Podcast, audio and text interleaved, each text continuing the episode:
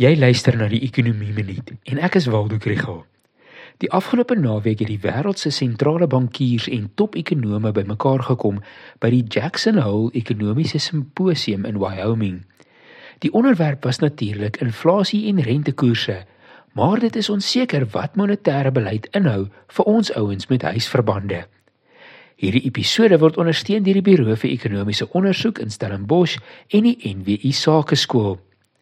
Die agtergrond is dat inflasie oral besig is om af te neem, maar dit is waar die ooreenkomste eindig. In die FSA groei die ekonomie bo verwagting sterk en die arbeidsmark bly stram. Hulle bekommernis is of hulle al rentekoerse genoeg verhoog het om inflasie onder beheer te bring. Hulle siening is dat om te min te doen 'n groter risiko is as om koerse te veel te verhoog.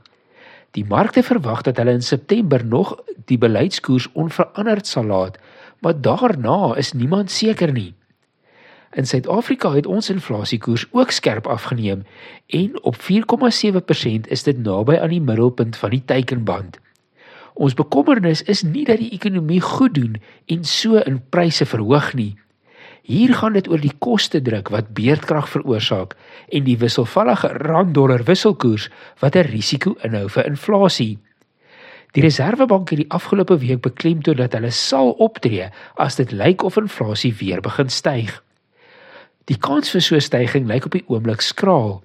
Johan Els van Old Mutual verduidelik dat die Reserwebank se voorspelling 'n inflasiekoers van 5,4% is vir die derde kwartaal maar toe het Julie op 4,7% ingekom. Dis moet inflasie in Augustus en September 5,8 wees om by die 5,4% gemiddeld uit te kom. En dit lyk nie of pyplynpryse soveel styg nie. So vir ons ouens met huisverbande lyk dit of inflasie in die teikenband gaan bly. Maar omdat die Reserwebank versigtig is, sal hulle nie sommer in September al die repo koers sny nie. Nog 'n bietjie vasbyt is nodig.